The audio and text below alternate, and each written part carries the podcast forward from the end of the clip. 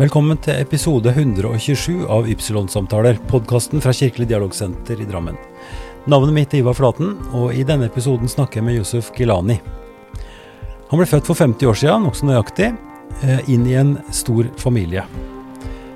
Foreldrene flytta tidligere fra Pakistan og etablerte seg etter hvert på Fjell i Drammen, der han vokste opp. Yusuf starta på jusstudiet, tok senere lærerutdanning, og jobber nå sentralt i Nav i Oslo. Han har markert seg i Drammen gjennom politisk arbeid, ikke minst i integreringsdebatten. Han har også vært synlig på en nasjonal arena, for han var en av de som sto bak den store mobiliseringa mot IS og Profetens Umma i Oslo i august 2014. Det ble også lagt merke til da han inviterte Sian til dialog på Drammensbiblioteket i oktober 2020. Da er det min store glede å ønske Josef Kulani velkommen til Podkaststudio. Tusen takk, Ivar. Det er spennende, da. Jeg forsto nettopp at du har passert en milepæl i livet. Du fylte 50 i går. Ja, fylte 50 år i går, så nå er første omgang eh, over. Så håper vi på at andre omgang har like mye styrke i seg til eh, å kunne gjennomføre det på en god måte. Men du, 50 år i Drammen. 50 år i Drammen, et halvt århundre. For det, det som er litt uh, morsomt, det er at du påstår med en eller annen rett, kanskje er det også helt riktig, at du er den første som ble født på Drammen sykehus av pakistanske foreldre? Ja, jeg ble født i november 72 av to pakistanske foreldre. Og da bodde foreldrene mine i Røyken i Årås. Mm. Eh, og da sondra de til et sykehus i Oslo som het Britannia sykehus, som nå ikke lenger eksisterer. Mm. Og så flytta de da videre eh, innover til Tranby. Eh, og så var vi der noen år, og så før de da kjøpte hus i Drammen. Ja. Men du, du, ble født I Oslo. I Oslo? Ja, ja ok. Men uh, sånn at det at du er født den første Men altså en av de første babyene, da, altså norskfødte av pakistansk foreldre. Altså, jeg vet ikke hvor mye poeng dette er, men det er litt morsomt. Ja, nei, det, er, det, er, det, er, litt morsomt, fordi at eh, når, man, når, man, tenker litt på det, så er det jo mye jeg har klart å oppnå eh, med en pakistansk bakgrunn, da. Eh, Norsk-pakistansk bakgrunn.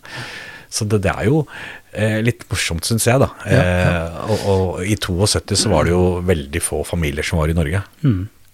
Så det er jo ikke, det er ikke veldig lenge siden vi i Drammen her markerte 50 års uh, tyrkisk uh, nærvær av tyrkiske arbeidere som har vært her. Så det er jo det vi er litt stolte av her i Drammen, at det er ganske, nå en ganske stor spredning av folk fra ulike nasjoner som bor her og jobber her og lever sammen.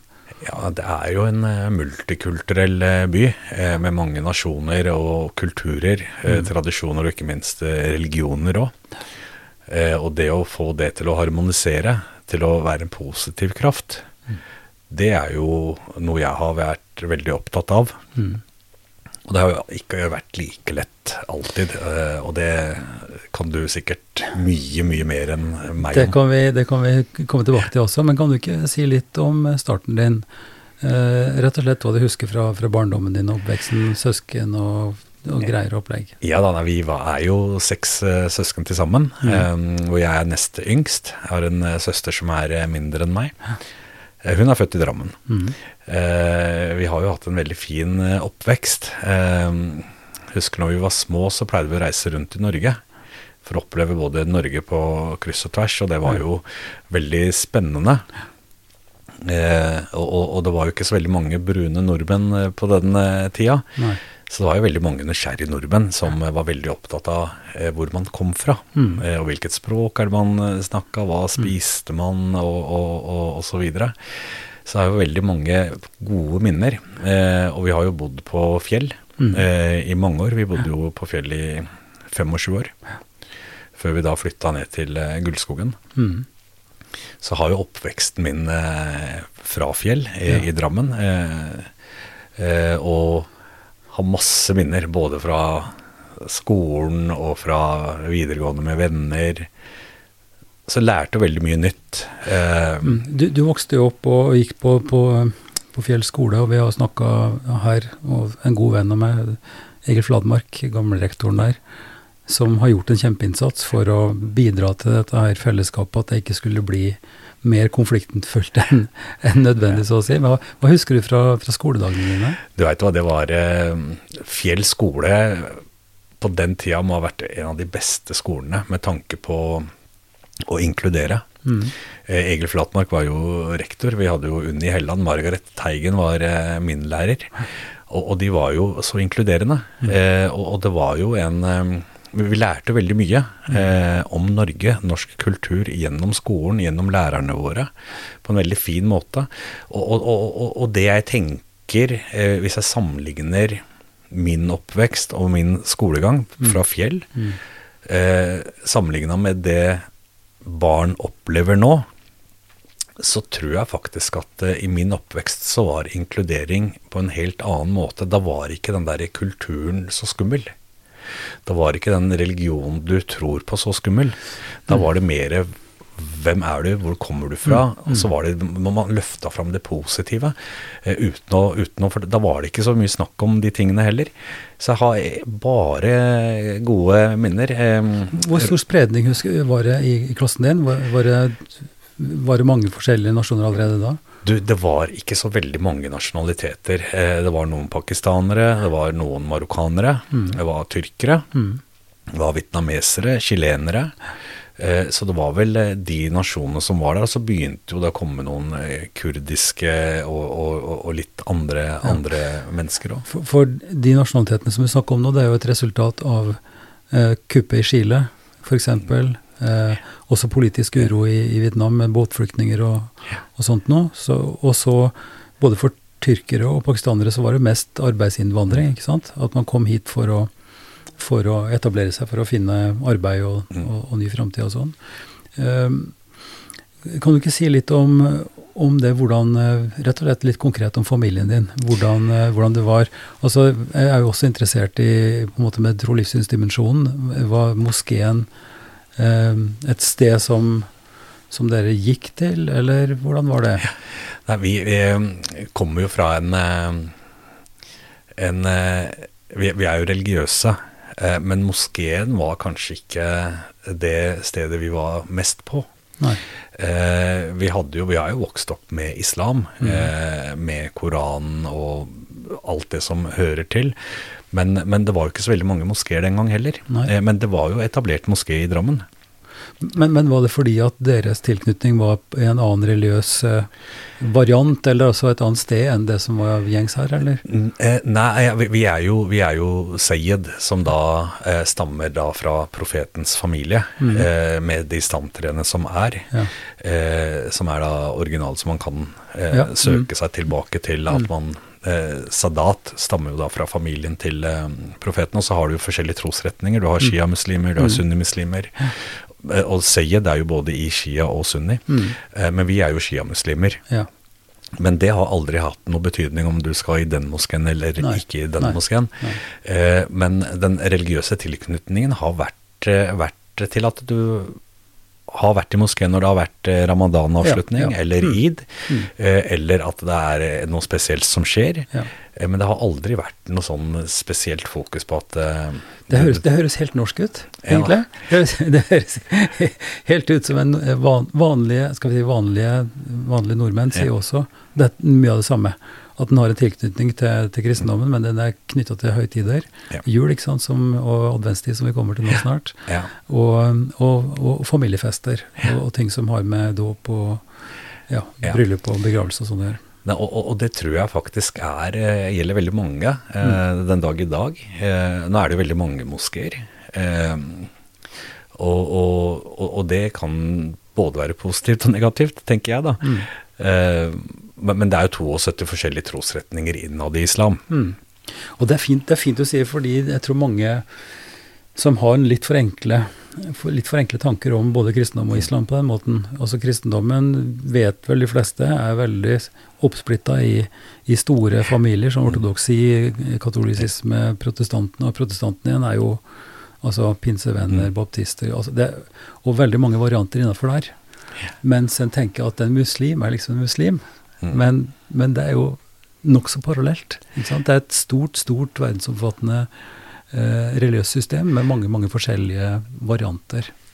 Det er det, og det er det som eh, gjør det så både frustrerende og mange ganger, på at du du, du, kjenner jo deg ikke igjen i det media omtaler som islam. Mm. For det er jo ikke den islam du har vokst opp med. Nei. Du kjenner ikke igjen eh, i deg som muslim når det gjelder IS eller andre terrororganisasjoner. Men det er så vanskelig å forklare majoritetene. fordi islam blir da veldig tilknyttet opp mot at du er muslim. Mm. Men det, det, er jo, jeg tenker de nyansene eh, er kjempeviktig å få frem. Mm. Eh, og så er det veldig viktig å få frem at det er 72 forskjellige trosretninger. Eh, og vi har jo mange forskjellige moskeer i Drammen mm. Eh, som eh, noen samarbeider godt, andre samarbeider ikke i det hele tatt med hverandre. Nei, og det er akkurat det samme på kristen side også, mellom ulike varianter ja. der.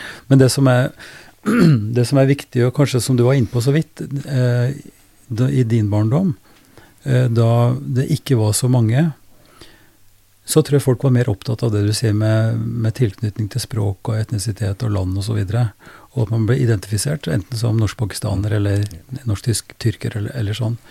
Mens Og når dette skjedde, når det skiftet skjedde, det er ikke så godt å si, men, men det hadde kanskje noe med, med Eh, terrorbombinga i USA, eh, ikke sant, med Twin Towers og, og, sånn, at plutselig så ble det ble, ble folk karakterisert med religiøs tilknytning. Ikke sant? Så da ble det muslim, og heller muslim enn pakistaner eller tyrker osv. Og, og, og at det er liksom et, et slags uføre som vi har kommet opp i. Eh, at en knytter kanskje i større grad enn det det er grunnlag for, folks eh, tilhørighet til en religion heller enn til en kultur og en nasjon og et språk.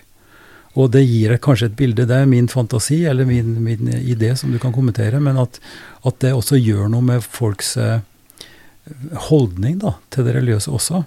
Istedenfor at det kanskje var mer skal vi si tradisjonelt avslappa og sånt, så blir man pusha inn i en eller annen eh, bevisstgjøringsprosess, da, hvor, hvor, det religiøse kanskje får mer plass enn det, enn det det var før. Jeg vet ikke. Du er inne på noe veldig vesentlig, og det merker jo folk som er muslimer. Det blei jo et taktskifte 9.9. Eh, etter eh, at eh, Twin Towers i New York ble truffet av disse flyene. Og alt det som da ble satt i gang. Og da var det jo et veldig fokus på muslimer, og, og, det var fokus på terrorister, og det var eh, islam, og det var liksom eh, og, og, og, det tror jeg veldig mange muslimer oppfatta som som eh, veldig urettferdig. Mm. Eh, at alle blir dratt med i det eventuelt Osama bin Laden og hans mm. folk, mm. eller Taliban, mm. eller hva de nå eh, Hva vi ønsker å kalle dem, men eh, terrorister i mine øyne. Mm. Eh, og vi kjenner jo ikke igjen i, i den form for eh, handling for å markere en religion. Mm. Eh, og, og, fra 9.9. og fremover så har det bare gått én vei. Eh, med at eh, det, det, har vært så mye skriveri om muslimer, om islam, mm. som, eh, med negativt fortegn. Mm. og det var det jeg sa litt sånn innledningsvis, og folk var jo tidligere veldig opptatt av hvor er det du kommer fra? Mm. Hva er det du spiser? Mm. Mm. kultur, mm. musikk, krydder. og etter 9.9. så blei det liksom Hva er det du tror på? Da var det liksom det, det trosspørsmålet var det første folk var opptatt av. Eh, på konferanser og andre steder så har jeg jo alltid bestilt at jeg, når det er spesielle allergener eller mm. mat, mm. matønsker, så har jeg alltid sagt at jeg skal ha halalmat. Mm. Eh, og i, rett etter 11.9. og, og utover mm. så veit jeg at det var veldig mange som begynte å si at jeg er vegetarianer, jeg. Eh, eller jeg skal ha fisk, istedenfor ja, å si at de ja. står for at de er muslimer. Og, ja. Så, så, det, det blei et litt sånn, lite sånn taktskifte. Og så, og så, tror jeg det er veldig mange som begynte å bygge opp et hat. Et hat mot den ensidige vinklingen. Fordi vi har ikke hatt noen tydelige talspersoner. Eh, og jeg husker jeg allerede da, i 2001-2002, så fremma jeg eh, et forslag at vi bør ha et eget teologistudie i Norge, mm. hvor vi utdanner norske imamer. Mm. Eh, og det blei det mye skriveri om. Mm. Eh, og, og, det likte jo Veldig mange moskeer likte tanken, og så var det mange som ikke likte den tanken, for da mm. mista jo dem kanskje mye av den eh, basen sin i de forskjellige moskeene. Altså det, ja, og det der er et svært problem og en stor utfordring, fordi nettopp det er så mange lovskoler og så mange varianter også, og mange teologiske retninger. Eh, så det å, å tenke seg at en skulle ha en, liksom felles imamutdanning, er nok eh, eh, Ja, det er en modig og interessant tanke, men, men jeg tror det er også ganske urealistisk ut ifra den samme ideen at det er så mange. Men det fins jo, det finnes jo nå islamstudier på, på Teologisk fakultet og andre steder. sånn at, Og, og Oddbjørn Leirvik, en, en, god venn og lærer, eh, har jo i mange mange år hatt uh, kursvirksomhet, altså tre, tresemesters for religiøse ledere, som kommer inn for å, for å både bli mer kjent med, ja, med, med kultur og med, med tradisjon her, og med rettigheter osv. La oss spole tilbake igjen. Eh, du var ikke så mange år på fjellskole, men du var lenge nok til at du tok din, din eh, grunnskoleutdanning. Ja. Eh, og så gikk du videre? Da gikk vi videre til Galter ungdomsskole, og det er der jeg egentlig blei litt sånn Nærmeste nabo? Her. Nærmeste nabo, ja. Mm. Og da blei jeg litt, litt interessert i politikken i AUF. Mm. Men jeg meldte meg ikke inn. og etter Galter ungdomsskole så begynte jeg da på Drammen videregående skole. Mm -hmm. eh, og fullførte det, var russ. Eh, sammen med en del andre gode venner som jeg har den dag i dag. Mm. Eh, og så begynte jeg på høyere studier, mm. uh, og da starta jeg på jussen. Mm. Uh, tok uh, første og annen avdeling juss, mm. og det var advokat jeg skulle bli, så var jeg i Statene. og der, under studiene, så jobba jeg da havna jeg på en spansktalende skole som hjelpelærer. Okay. Okay. Og jeg kunne ikke et ord spansk, mm. men var, kom godt med til studiene. Mm. Eh, og da fant jeg ut at nei, det er lærer jeg ja. vil bli. Ja. For det var så veldig mange ting som, som liksom jeg reflekterte over når jeg var hjelpelærer. Mm. Så tenkte jeg at nei, dette her er faktisk eh, dette her vil jeg være med å gjøre noe med. Mm. Eh, være det forbildet for mm. eh, elever med innvandrerbakgrunn. Mm. Og så begynte jeg på lærerskolen, fullførte lærerskolen, og begynte da å jobbe på Galter ungdomsskole. Jeg hadde jo noen vikartimer ja, eh, innimellom. Ja, ja. Og da var det da Knutsen Øy som var eh, min rektor, -hmm. og underviste på Galter ungdomsskole. Eh, og det jeg husker eh, ved at eh, Vi var jo ikke så veldig mange lærere med innvandrerbakgrunn. Mm. Men, men, du fikk jo en helt annen respons. Eh, eh, det var jo en helt annen stolthet i mange av disse elevene. Eh, og, og, og, du nådde fram på en annen måte. Og så fikk jeg da en klasse som det har vært skrevet veldig mye om. Mm -hmm. Disse språkhomogene tyrkiske klassene, hvor det var bare tyrkiske elever i klassen. For da ble det gjort et grep, slik at man skulle samle Man skulle samle Det, det startet, Det var litt sånn politikk bak det òg, Ivar. Mm. Fordi eh, de ressurssterke foreldrene bodde jo på Galter og Austad. Mm. Eh, og de ressurssvake, selv om mange av dem også nå eh, er veldig ressurssterke, de bodde jo på fjell. Mm. Så ville ikke eh, foreldrene på Galterud og Austad de ville ta ut barna sine, for det ble for mange innvandrere. Ja.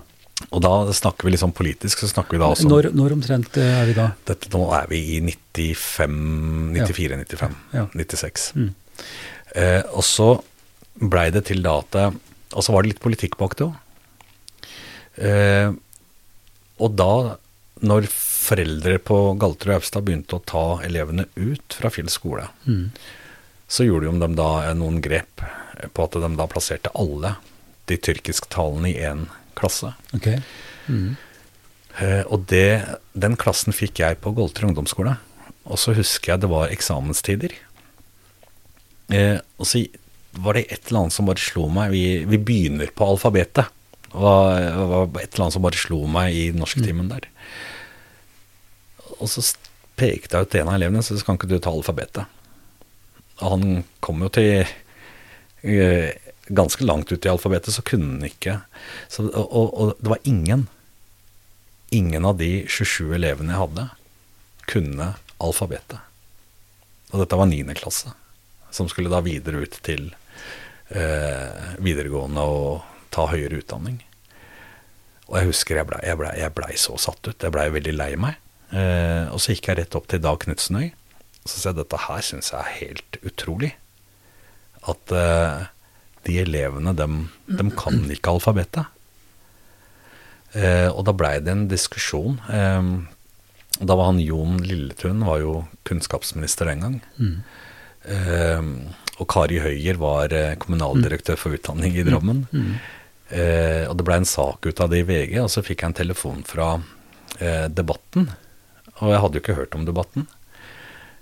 om jeg kunne komme og snakke litt om det sammen med Jon Lilletun og Kari Høyer. Mm. Og jeg gjorde jo det. Jeg gikk ganske høyt ut eh, og slakta hele den modellen.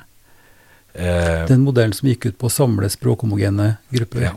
Var dette på, på, på Galterud? Var det også noe som kom fra Fjell skole?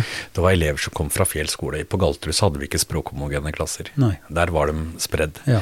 Men det var jo såpass stor tyrkisk eh, majoritet ja. mm. at de var jo veldig mange. Mm. Uh, og da husker jeg at um, da, da, fikk jeg, etter at jeg hadde vært i den debatten, uh, så var det jo sånn at du som lærer måtte søke på stillingen din hvert år. Mm. Eh, og da fikk jeg tre brev, to rekommandert, og ett ikke rekommandert på at jeg må søke stillingen, og den stillingen jeg har, den blir ferdig. og det gikk jo ikke lang i tida, for jeg fikk jobb på Strømsø ungdomsskole. Mm. Eh, og der var jeg til 2002 ja. eh, som lærer. Og mm. da underviste jeg i norsk, nynorsk, religion, eh, og så var det noe realfag. Mm. Eh, men, men eh, det å være lærer eh, og klasseforstander, det er mer det var mer som å være reservepappa for veldig mange òg. Jeg har jo veldig mm. godt forhold til mange av disse mm. elevene jeg har hatt opp gjennom mm. mm. karrieren som lærer den dag i dag. Eh, og så er det noen som har brent seg ekstra godt i minnet, eh, mm. som da har vært litt sånn utfordrende forhold mm. hjemme, som du har hatt ekstra omsorg for. Jeg har eh, lærebakgrunn sjøl, har jobba som lærer noen år, så jeg vet mm. også mye om det forholdet mellom den omsorgsdelen og kunnskapsformidlinga. Yeah. Og det er nok, eh, det er nok eh, mange som tenker seg at skolen er liksom en sånn og det naturligvis er riktig, først og fremst en kunnskapsformidler, men samtidig så er det helt ifra barnetrinnet oppover. Også en veldig viktig sånn både omsorgs- og oppdragelsesfunksjon, som noen da mener kanskje blir litt i overkant krevende, og at det det er en veldig krevende jobb å stå i. Og skulle ha omsorg for disse flotte ungene, samtidig som du skal prøve å, å gi dem også et kunnskapsinnhold. Ja, og, og det er jo den Det der kjempe givende. Det er et fantastisk yrke. Lærerne i Norge eh, er kjempeflinke. Eh, de er med på å påvirke det valget vi tar, da, i, mm. mm. gjennom både tilbakemeldinger du får, mm. eh, hvordan du blir sett, ivaretagelse. Mm.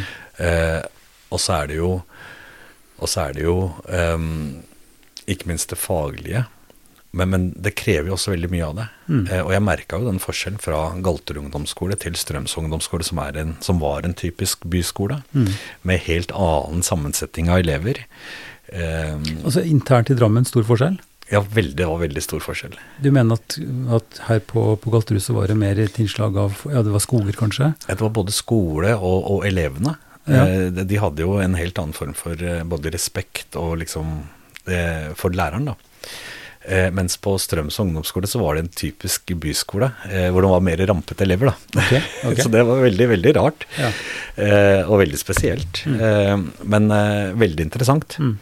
Eh, jeg fikk jo et veldig godt forhold til elevene på Strøms, og jeg fikk jo en sånn liksom, problemklasse som, som det var utfordringer med, hvor det hadde blitt noen utskiftninger av, av klasseforstandere. Så fikk jeg den klassen, da. Mm. og da nullstilte jeg alle karakterene, så jeg vet hva, vi begynner med blanke ark.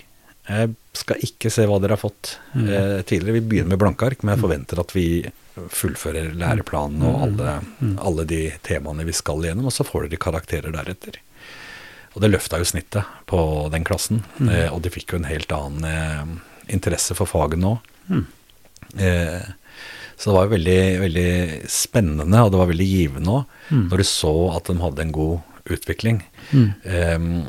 Og det engasjementet for å jobbe med mennesker, jeg tror jeg alltid har hatt. Eh, og det er jo det jeg gjør eh, den dag i dag. Men eh, så kan, kan, vi ikke, kan, vi ikke, dvele litt ved For da er vi jo på begynnelsen av 2000. Mm. Eh, 2001 var det store smellet i Twin Towers. Mm. Du jobba i en skoleklasse som kanskje også hadde innslag av unge fra muslimsk bakgrunn. Kan du huske noe spesifikt tilbake på om det skiftet, altså den, det som skjedde, det som vi snakka om i begynnelsen her, om det gjorde noe innslag, eller at det ble, var merkbart på noen måte i, i klasse eller i det sosiale ellers? Det var, eh, det var diskusjoner. Det var jo liksom Folk trodde det var tredje verdenskrig. Mm. Eh, at nå smeller det i, eh, overalt. At det er sovende celler. Og det blei jo fremstilt i media som om det var eh, terrorister overalt der det er muslimer. Mm. Eh, det var jo et tema vi snakka om. Men eh, jeg må ærlig innrømme at eh, under min oppvekst, og når jeg selv var elev, og når Salaman Rushdie kom med sataniske vers, Mm. og han fikk fatwa mot seg, Mm. så husker jeg at Da var jeg elev på Galter ungdomsskole. Så husker jeg da at religionslæreren min den gang fremstilte det som om alle muslimer Jeg husker han sa til en i klassen at du ønsker vel hodet til Salaman Rushdie på et sølvfat. Sikkert ikke noe vondt ment, men, jeg, det, det, brant, sagt, det, det, brant seg så Mm. godt fast i, i minnet, ikke bare mitt, men også de andre elever med muslimsk bakgrunn, Mm. at eh, det ville ikke at elevene jeg hadde ansvaret for, skulle oppleve. Mm. Eh, og, En slags fordom eller en slags felles behandling av alle potensielle Altså en slags terroriststempel eller, eller mistro, da, i utgangspunktet. det, er, det, det kan fort eh, opp og, og barn, barn er jo sårbare, Mm. så, og, og, og vi, vi hadde gode diskusjoner, men det var ikke noe sånn at det var eh, noen som følte seg uglesett. Nei. Men åra som skulle komme, Mm. skulle bli verre. Ja.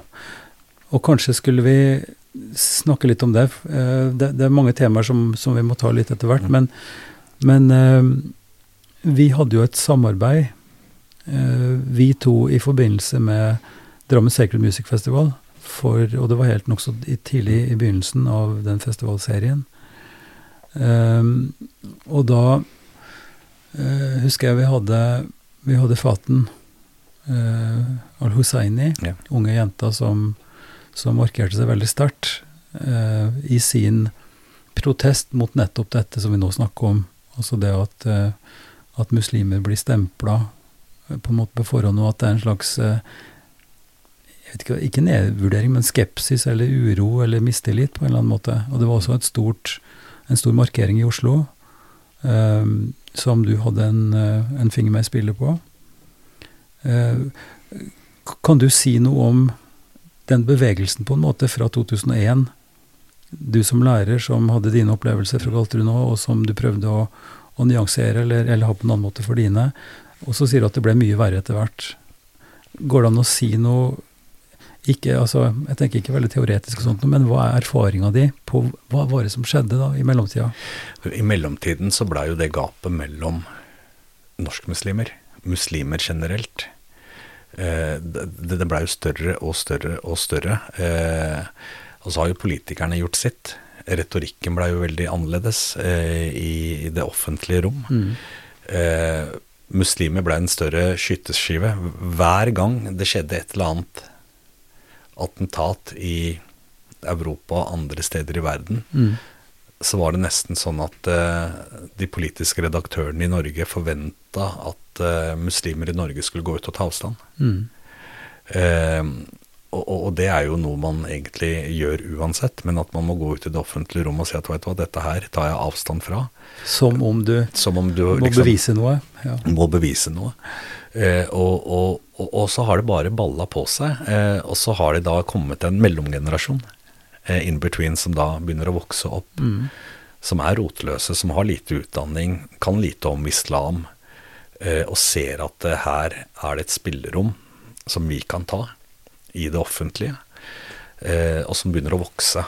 Eh, tidligere kriminelle folk som da støtter seg inn mot eh, ekstreme, ekstreme organisasjoner. Ja, okay. Mm. Eh, og så må vi da se dette her i sammenheng med eh, Afghanistan-krigen. Vi må Mm. se dette her i sammenheng med Irak, Mm. eh, i, i Syria, i Jemen. Mm. Eh, og, og, og det er jo utelukkende bare muslimske land som da har blitt angrepet for at de skal fjerne regimer. Mm. Eh, og så har da folk hatt kanskje, eh, kanskje et forhold til Irak eller mm. Afghanistan mm. eh, eller andre steder. Eh, og, og, og, så begynner da i det tomrommet eh, på sosiale medier òg, eh, og verden blir jo mindre, mm. og, det begynner å eksplodere. Ja. Eh, og, og, og, Norge er jo ikke uberørt av det. I Norge så har vi også hatt, hatt eh, grupper som har vært veldig markante, mm. som majoriteten av muslimer sier at vet du hva, de anser ikke vi som muslimer. Eh, som har misforstått religionen til de grader. Mm.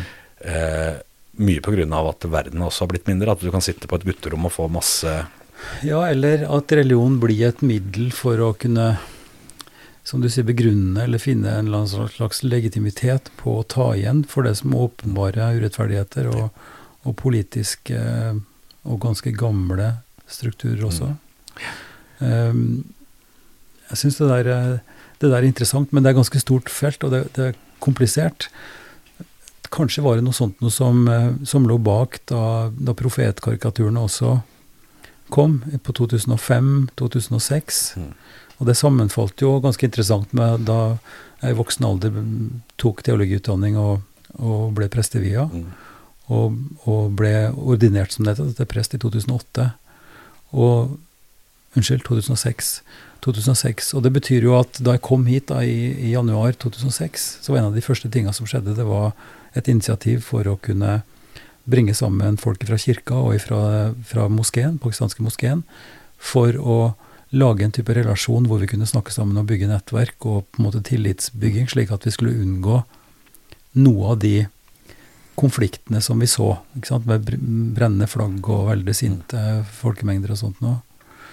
Men sånn som du sier nå, kan det òg ligge noe der at, eh, at det å bli et en slags ikke unnskyldning, men at det ble et element i den der bevisstgjøringa, eller at nå skal vi ta igjen, eller vi kan ikke holde på sånn når vi bruker det som et argument. Jeg vet ikke.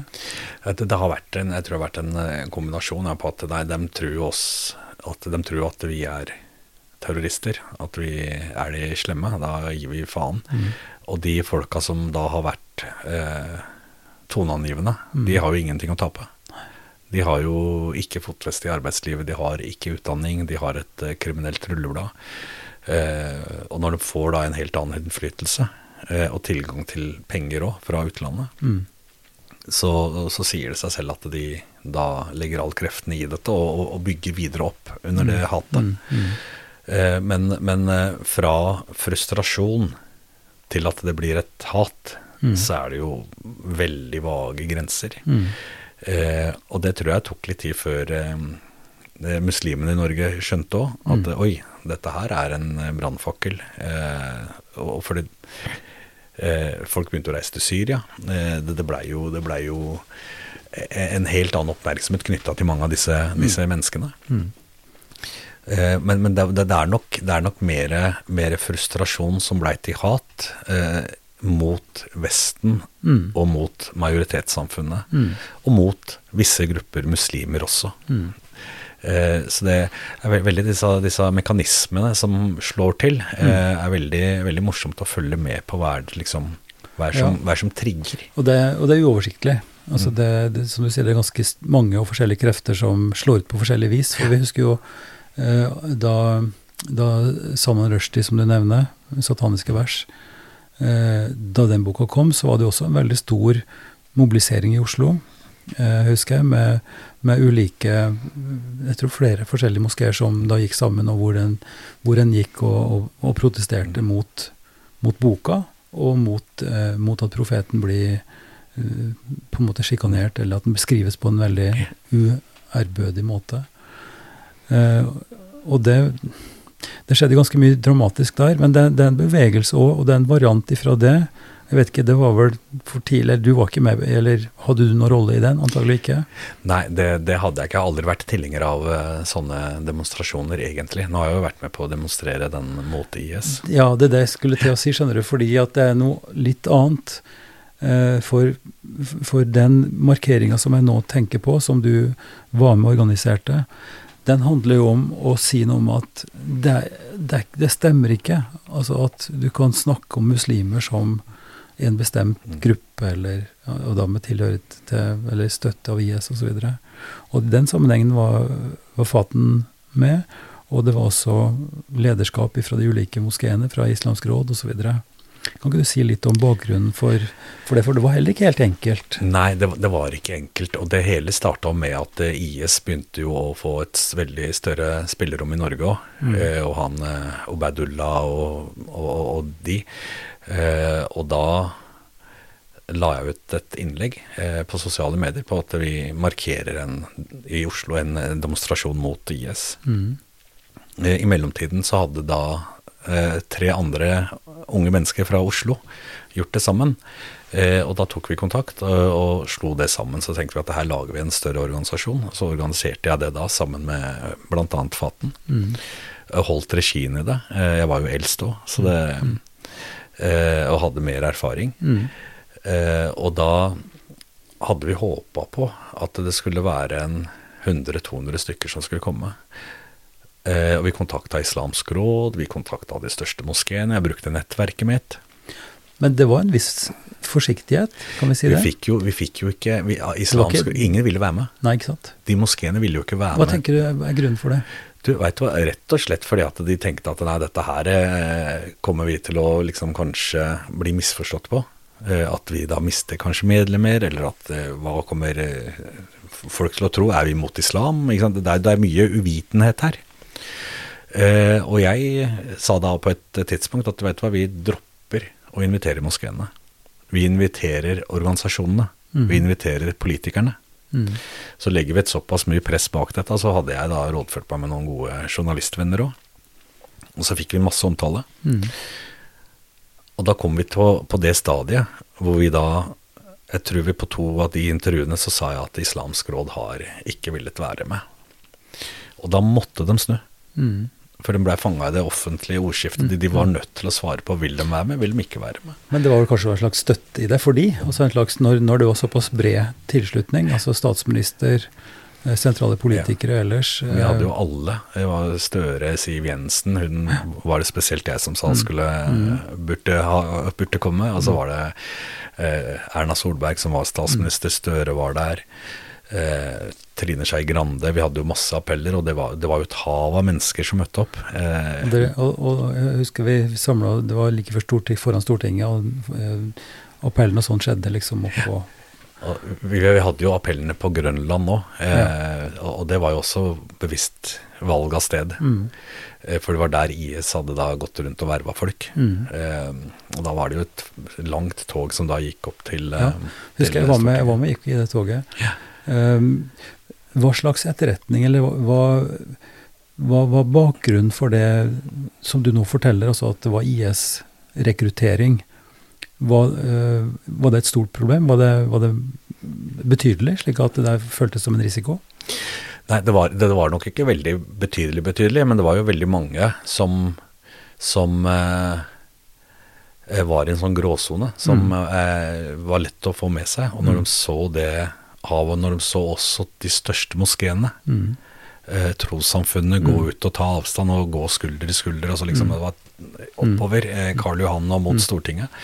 Så tror jeg signaleffekten den var jo veldig, veldig sterk. Mm. Eh, og så er det jo alltid noen som blir misfornøyd. Mm. Eh, ble kontakta av en del andre organisasjoner, mm. palestinsk ungdom bl.a., som lurte på hvorfor kan vi ikke gjøre det samme med dem? Hvorfor ja, ja. Mm. fokuserer vi ikke på det? Ja. Så det, er alltid interesser her. Selv om, selv, om, fellesskapet, eller selv om mm. budskapet er jo at dem også er imot IS. Mm. Men, men, igjen den der forskjellsbehandlingen. Eh, men vi fikk jo nå med disse trossamfunnene. Eh, og, og, det resulterte i at jeg er den eneste nordmann som fikk da eh, Leaders Award fra Brussel, eh, fra All Democrats eh, i EU. Ehm, og blei invitert der, blei nominert der. Eh, og, og, fikk den prisen for brobygging. Ja, ja, ja. Og, og, og, det var en uh, hyggelig, hyggelig påkjennelse som uh, mm. jeg har fortsatt. Uh, ja, det vil jeg tro. Det er grunn til å være stolt av. Absolutt. og så har jo tida gått. og det er jo noen grupperinger som absolutt fortsatt pukker på det at eh, islam er en demonisk eh, religion og, og, er farlig og, og karakteriserer profeten osv. osv.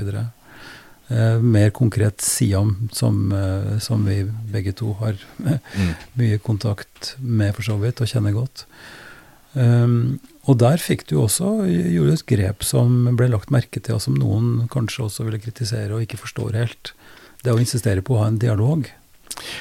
Ja, og den um den fikk jeg veldig mye bra tilbakemeldinger på. Så er det jo noen som ikke er helt enig i at vi skal ja, ha dialog. Ja. Men som jeg snakker litt om bakgrunnen for det, fordi da snakker du jo eh, om en gruppering som i utgangspunktet er skapt for å svekke eller helst fjerne islam. Mm. Og til og med bortvise fra landet eh, muslimske ledere.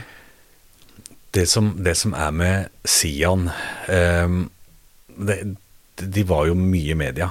Eh, mm. fikk masse oppmerksomhet. Eh, ikke fordi at eh, de hadde et godt budskap, men de fikk masse oppmerksomhet pga.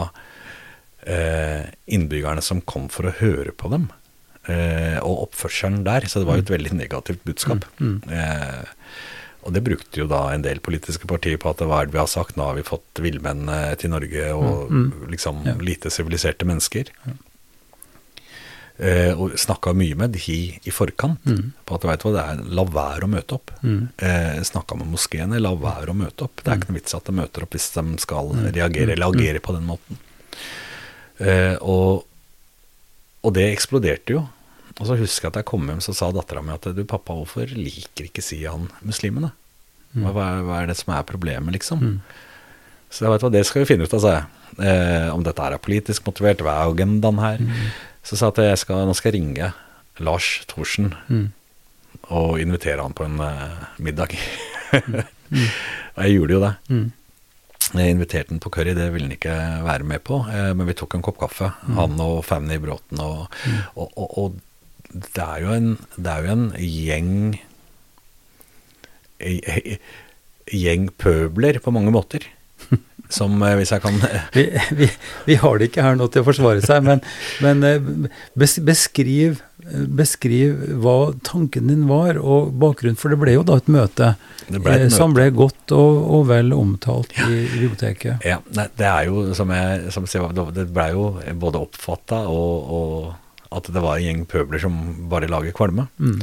Eh, og da ringte jeg dem, eh, og så skulle vi markere eh, mot at den brente Koranen, så hadde vi et rosetog i Drammen. Mm.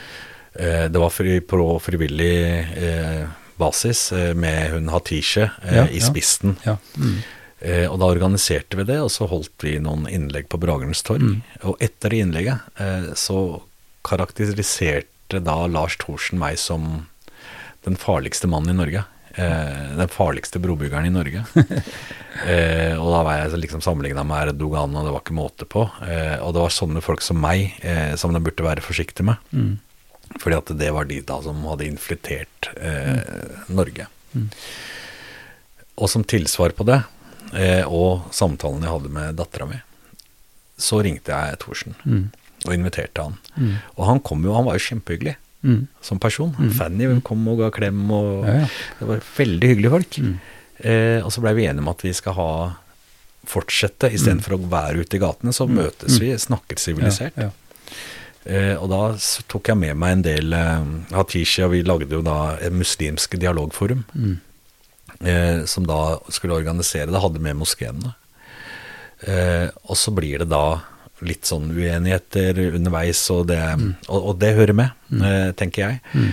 Men eh, det var veldig mye god drivkraft mm. bak eh, å ha et dialogmøte. Mm.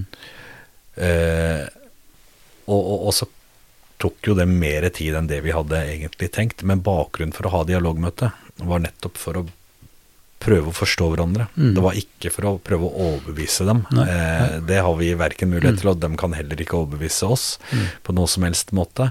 Men det var mer den forståelsen på hva som ligger bak at de mm. skal brenne mm. Koranen. Hva som ja. ligger bak den hatretorikken. Ja.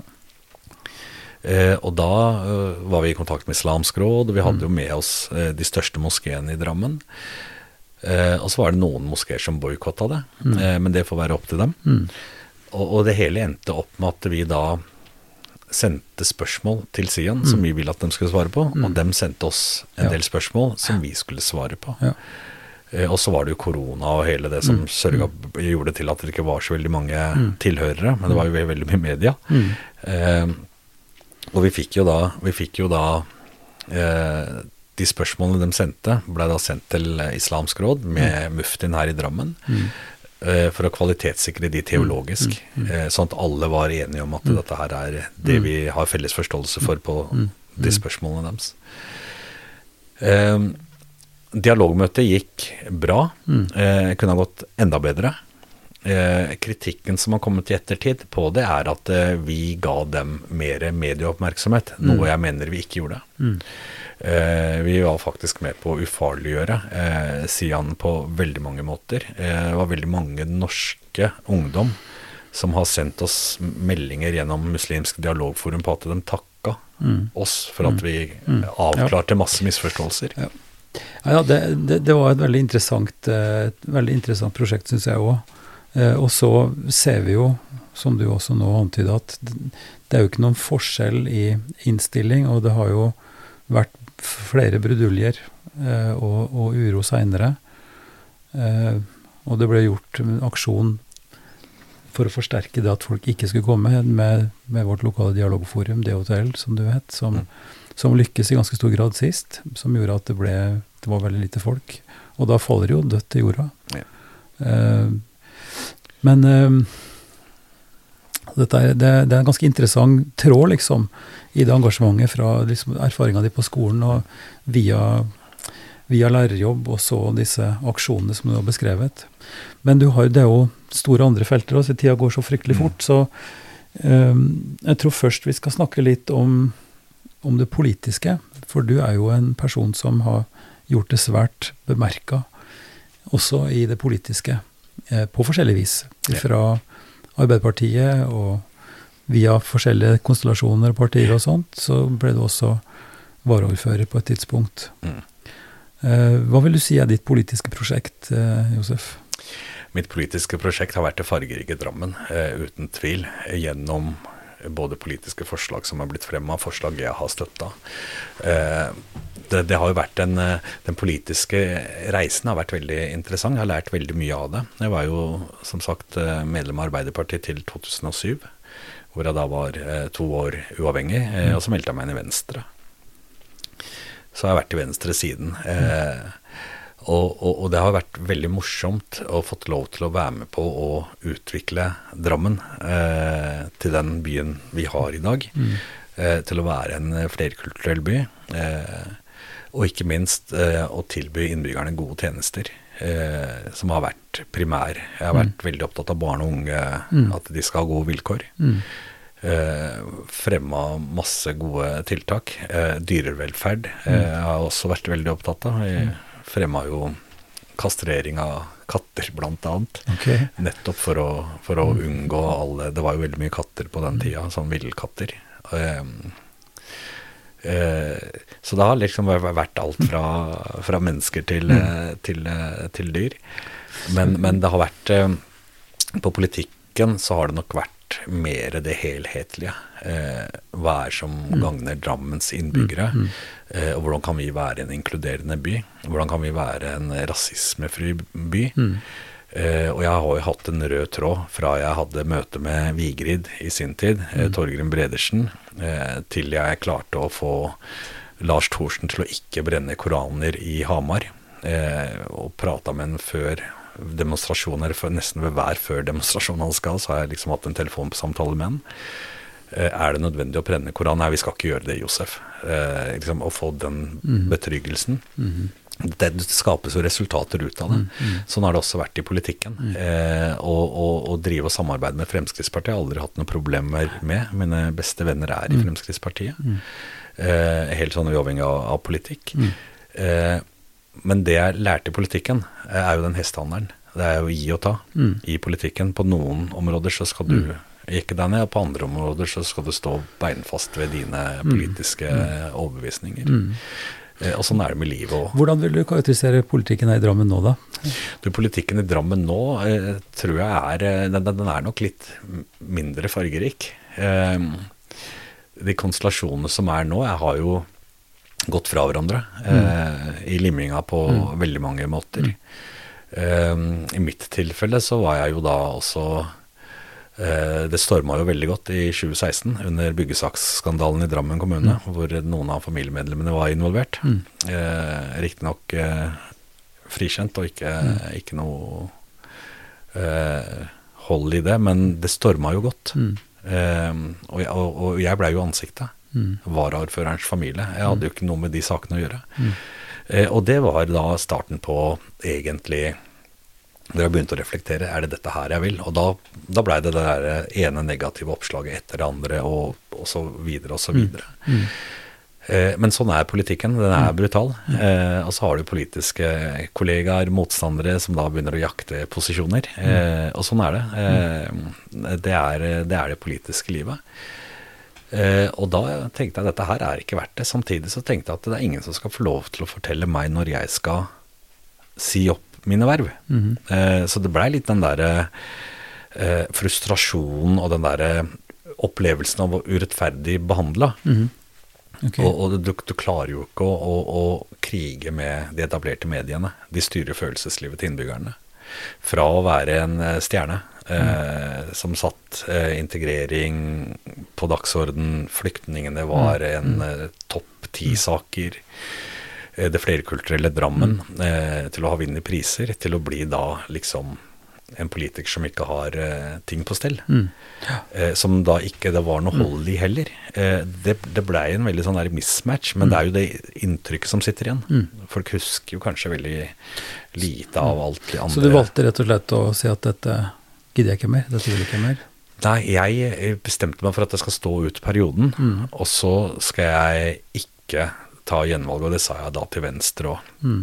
Eh, og jeg har hatt muligheten til å stille opp eh, ved andre anledninger, men det har ikke Jeg tror jeg er ferdig med politikken. Mm. Eh, og jeg ser jo at eh, hvis jeg engasjerer meg, så er jeg, er jeg fortsatt en stemme folk hører på mm. og lytter til.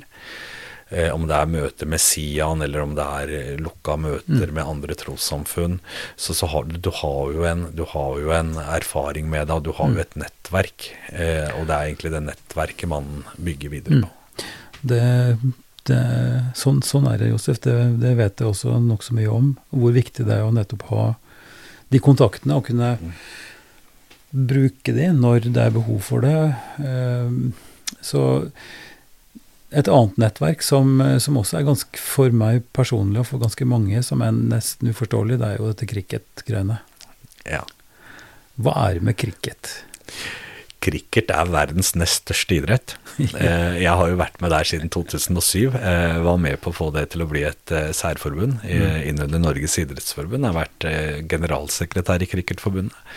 Jeg har vært visepresident i Cricketforbundet. Jeg har vært manager for det norske landslaget Jeg har vært Norges representant inn mot det Si med tre setninger hva cricket er for noe. Cricket er et lagspill eh, som eh, du skal lage mest mulig poeng. Eh, og det cricket er kjent for i Norge, er jo at det varer så veldig lenge. Eh, men det vi ikke har klart å få frem nå, har vi fått en mye kortere variant. Og det er elleve spillere på hvert lag, eh, som da skal Det er slåball. Slåball er jo utspring ja, av cricket. Ja. Eller baseball er også utspring av altså, cricket. Man, man slår en ball, ja. eh, og den skal fanges, og så skal, skal, man kaste den på noen. Ja, du skal kaste ballen mot slagmannen, og så skal slagmannen slå den ballen.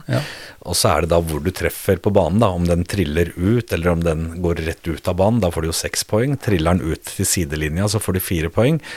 Og alt annet må du løpe mellom disse trepinnene ja. for å få poeng. Så hver gang du krysser det en gang, så får du ett poeng. Mm.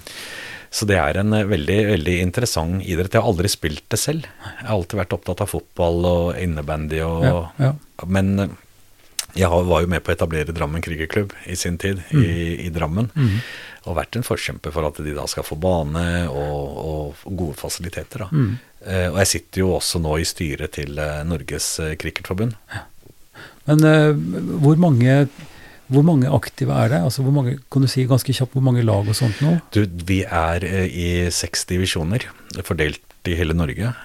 med ca. 5500 aktive eh, Ja. spillere. Ja. Medlemsbasen er på en 15 000. Ja. Så det er en stor medlemsbase. Kan du, er det stort sett folk som har pakistansk-indisk eh, bakgrunn, eller er det større bredde enn som så? primært er indisk, pakistansk og Bangladesh, Sri Lanka. Mm. Eh, men nå ser vi eh, stor eh, eh, innkomst av eh, både etniske nordmenn, eh, australiere, engelskmenn. Mm. Cricket spilles jo i alle deler av verden. Dårlig nå når snøen kommer. Ja, da er det veldig dårlig, og vi har ikke så gode eh, forhold inne. Eh, nå har vi fått, eh, fått en hall inne på eh, Fjellhallen. Eh, og det var noe det siste jeg gjorde før jeg gikk av som politiker, at jeg fikk det inn i budsjettet. Mm. Eh, og så i Oslo så har de da flere, flere baner inne. Men når, når vi får grønt gress igjen og det blir vår og sommer, hvor går vi igjen da for å, for å oppleve det? Du, da må vi en tur til eh, Hvis vi skal se cricketkamp i Drammen, så er det på Berskhaug. Ja. Eh, og hvis man skal se cricket i Oslo, så er det på Ekeberg, og det er på mm, eh, Stovner. ja. Og så har vi en ved Alnabru. ja. Og du sa at det var kortere enn det ryktet går, men en vanlig kamp, hvor lang tid tar det? Du, eh, det er jo to formater som spilles primært i Norge. Det er eh, sånn 40-overskamp, som Mm. tar en fire-fem timer. Og så har du T20, som er det mest populære. Mm. Eh, Den tar underkant av én time og 50 minutter. To, Mm. Ja, underkant av to timer. Ehm, ok, det var cricket. Vi måtte ha med cricket. Uh, men jeg tror ikke jeg går mer inn i det, for det, det blir, for, eh, det, det blir for, for komplisert for, for en type som meg, i hvert fall. Men det som også interesserer meg, som har med politikken å gjøre, og med bakgrunnen din å gjøre, det er jo det fenomen som vi ser at det er ganske mange som har tilknytning til hjemlandet sitt og hjemlandets politikk. Hva, er, hva tenker du, hva er grunnlaget for det? Vi ser altså både pakistansk-tyrkiske grupperinger som så klart har en relasjon til hjemlandet sitt, det skjønner jeg. Men det å ha en politisk gruppering lokalt i Norge som, har, som er en slags avlegger eller en forening av en politisk eh, organisasjon et annet sted, hva er det for noe? Eh, Si noen overskrifter om det, hva du tenker og det er for noe. Du, jeg tenker det er en kjempeuting. Jeg har aldri vært noen tilhenger og aldri vært medlem av noen av de politiske partiene som representeres i Pakistan. Du kan støtte dem, det er en annen ting. At du heier på den eller heier på den, det er jo helt naturlig. Men å, å etablere politiske partier med null innvirkning og påvirkning eh, i Norge, eh, som da representerer partier i Pakistan, som da også tar med seg de samme utfordringene. Eh, og nå i, i, i Norge så har du både People's Party, som er folkepartiet med Hubutto, og så har du Nawaz Sharif sin, PMLN, eh, og så har du PTI, som er av Imran Khan. Eh, Du har jo alle de politiske partiene i Norge representert gjennom første generasjon. Men når andre generasjon og tredje generasjon også da begynner å bli involvert i det, eh, riktignok de samme, samme Hva, familiene hva er det som skjer der da? Hva er det de har som ambisjon, tenker du? Hva er, hva er poenget med å ha en sånn gruppe her? Du, Poenget er å fortelle hva norskpakistanere sliter med for å, i Pakistan. Eh, folk har jo eiendommer der, eh, og det er jo en del ting de møter på av utfordringer, men der har vi jo ambassaden. Du har jo andre kanaler du skal bruke. Ja. Eh, og så er det snakk om innflytelse. Ehm, og, og all ære til de som orker å bruke tid og krefter på det i Norge. Men jeg tenker at det er ikke noe som gagner eh, norskpakistanere i Norge, eller pakistanere i Pakistan. Det er egentlig bare waste of time å liksom være litt viktig. Ja, så Det har også med posisjoner lokalt her å gjøre, kanskje? Det, det, er, jo, altså det, det er jo det, er jo et begrensa antall eh, Mm. mennesker som er med på det, men det er eh, Jeg har aldri skjønt eh, verdien av det. Om det kommer en politiker fra Pakistan, så hauser jo folk seg rundt han og liksom blir jo sett, tatt imot på en helt annen måte enn en stortingspolitiker som kommer til Drammen. Kan du gå rett forbi? Mm. Så så det, det er en litt sånn noe som henger igjen. Og det, det er jo Jeg har blitt avbilda med mange av disse politikerne, jeg òg, altså det er ikke det. Eh, men det har vært under andre sammensetninger enn en at du er med i disse politiske partiene. Men eh, jeg, jeg har aldri sett nytten av det, men det er nok litt sånn posisjonering ut ifra miljøet her i Drammen. Ja. Og så er det òg når du arrangerer eh, forskjellige kulturarrangementer, Mm. eh, så er jo folk veldig flinke med å møte opp. Eh, og jeg har jo arrangert en del sånne nøyt nøytrale eh, konserter, hvis jeg kan kalle det det, eh, hvor alle har vært med. Mm. Og så har det vært litt sånn eh, kommersielle konserter, hvor da de heller reiser inn til pakistanere i Drammen. Ja. At de da heller reiser inn til Oslo enn å dra på en konsert. Men, men altså, jeg, jeg, synes, jeg vet ikke om det er et, et, et, et kunstig skille, men jeg tenker det, det må jo være både legitimt og fint og, verdifullt at en har en, en, bevissthet om egen kultur og språk, og om det nå er musikk eller andre kunstarter eller religion. Altså at det er et legitimt fokus for å samles. Naturligvis er det det. Eh, og, og, og, det er kanskje noen som tenker at nei, det, det blir også et slags hinder, for da blir du ikke fort nok integrert og sånn. Men jeg tror det er en premiss at man har en bevissthet om sin egen bakgrunn og sitt eget språk, kultur osv. At det også kvalifiserer i mye sterkere grad for å ha en en god samtale og en god dialog. Men spørsmålet er altså det her med den politiske dimensjonen i det, og, og, og det som sånn sett kanskje er mer problematisk da, i, i forhold til hvor, en hvor, hvor mye en engasjerer seg lokalt mm. i det som skjer her. Og som en forlengelse av det, den refleksjonen, så tenke, kunne jeg tenke meg å spørre om om er det en forskjell nå på, eh, på, på hvor, hvordan en føler seg som drammenser og samtidig pakistansk bakgrunn, eller tyrkisk bakgrunn, enn hva det var før. Og så er det, med andre ord, er det en slags eh, Går den der integreringsprosessen langsommere eller raskere? Altså, for det er noen dilemmaer her. Eh, ikke sant? På, på både forankring og, og i hvor grad Jf. det vi snakka om, det med å bli stempla som muslim og som forskjellig og som en mistenkelig person. Er det noe som ungdom også Er dette et, et, et område som gjør at den integreringsprosessen kanskje er mer komplisert enn det vi hadde håpa på? Den er nok uh, både ja og nei. Uh, jeg kan jo best kjenne meg igjen i oppveksten på av mine barn. Mm. Uh, som jeg ser har møtt på både diskriminering, som jeg aldri opplevde, eh, og, og, og, en fremmedfrykt som jeg heller aldri opplevde i barndommen. Mm. Men de har jo vokst opp i en annen tid. Mm. Eh, og der har det også blitt eh, det har jo også vært snakk om oss, dem, nei, de eh, Nordmenn liker oss ikke. Så sier jeg, men hvorfor sier dere det? Så dette det der er da norsk ungdom som mm. diskuterer. Mm. Eh, brun norsk ungdom som diskuterer seg imellom. Og så har de da sine, sine tolkninger på det. Så jeg vil, jeg vil tippe in, in, integreringsprosessen har stoppa opp et eller annet sted, hvor folk har mer eller mindre gitt, eh, gitt blanke i å bli integrert. At jeg er den jeg er, lik meg eller lik meg ikke. Eh, og, så, og, så, får vi ta det derifra. Jeg mm. har en utdanning. Jeg kan jobbe med det. Kan, og, og det, det, har blitt en sånn Nei, jeg får ikke den jobben fordi at jeg er innvandrer. Og det, det stemmer i mange tilfeller. Mm. Så stemmer det. Men, eh, men uh, integreringsprosessen har du, du, blir integrert på forskjellige arenaer. Jeg kan mm. være en veldig godt integrert pappa på fotballbanen mm. med de andre foreldrene. Mm. Så kan jeg være en veldig dårlig integrert innbygger andre arenaer. Mm. Så, så det, er liksom, det, har blitt så mm. liksom, forskjell på det. Mm. Uh, så, så jeg, jeg, Hadde du spurt meg for 20 år siden, så hadde jeg svart kanskje mye mer presist. Men nå så tror jeg faktisk at folk er veldig mer fornøyd med av det de er, hvor de mm. kommer fra. Om de mm. blir oppfatta som norsk, mm. kjempebra. Gjør de det ikke, ikke noe problem. Så jeg tror folk begynner å komme i en sånn derre trygge på seg selv. da. Mm. De veit at de har de ressursene de har. De, mm. de mm. bidrar til fellesskapet. Ja. Og jeg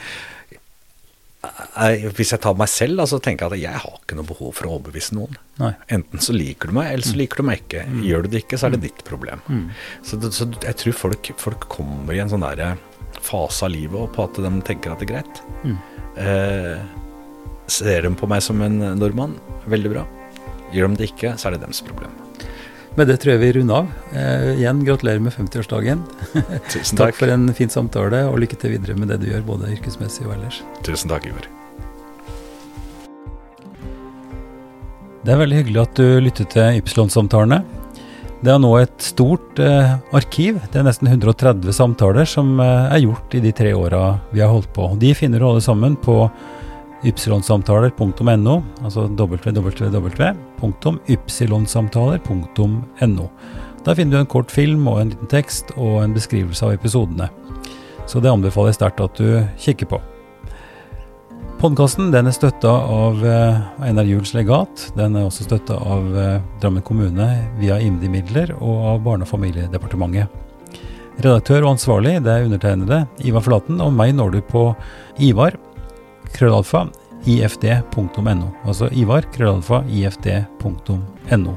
Jeg vil gjerne ha både forslag og innspill til samtaler og, og eh, folk og temaer som vi kan bruke. Med det takker jeg for nå, og så høres vi igjen.